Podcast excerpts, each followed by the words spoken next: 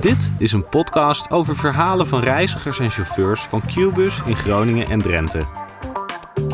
Het volgende verhaal is van Johan Tingelaar, buschauffeur bij Qbus in Groningen. Op een regenachtige avond vertrok ik in een oude DAF-bus vanaf het hoofdstation in Groningen.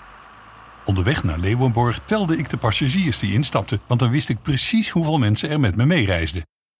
Tijdens een lange dienst kon ik mij erop verheugen om bij het eindpunt Meerpaal een korte pauze te nemen.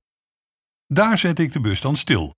Zo ook op die ene regenachtige avond in 1989.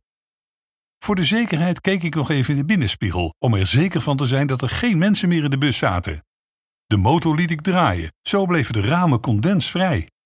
Vervolgens pakte ik een krant uit mijn tas en begon te lezen. Na een paar minuten hoorde ik plotseling: Hallo meneer, rijdt u nog verder? Ik schrok me rot. Een man in een oude gabardine regenjas zat op de bank achter de chauffeurskabine. Ik had deze passagier niet opgemerkt toen ik checkte of de bus leeg was.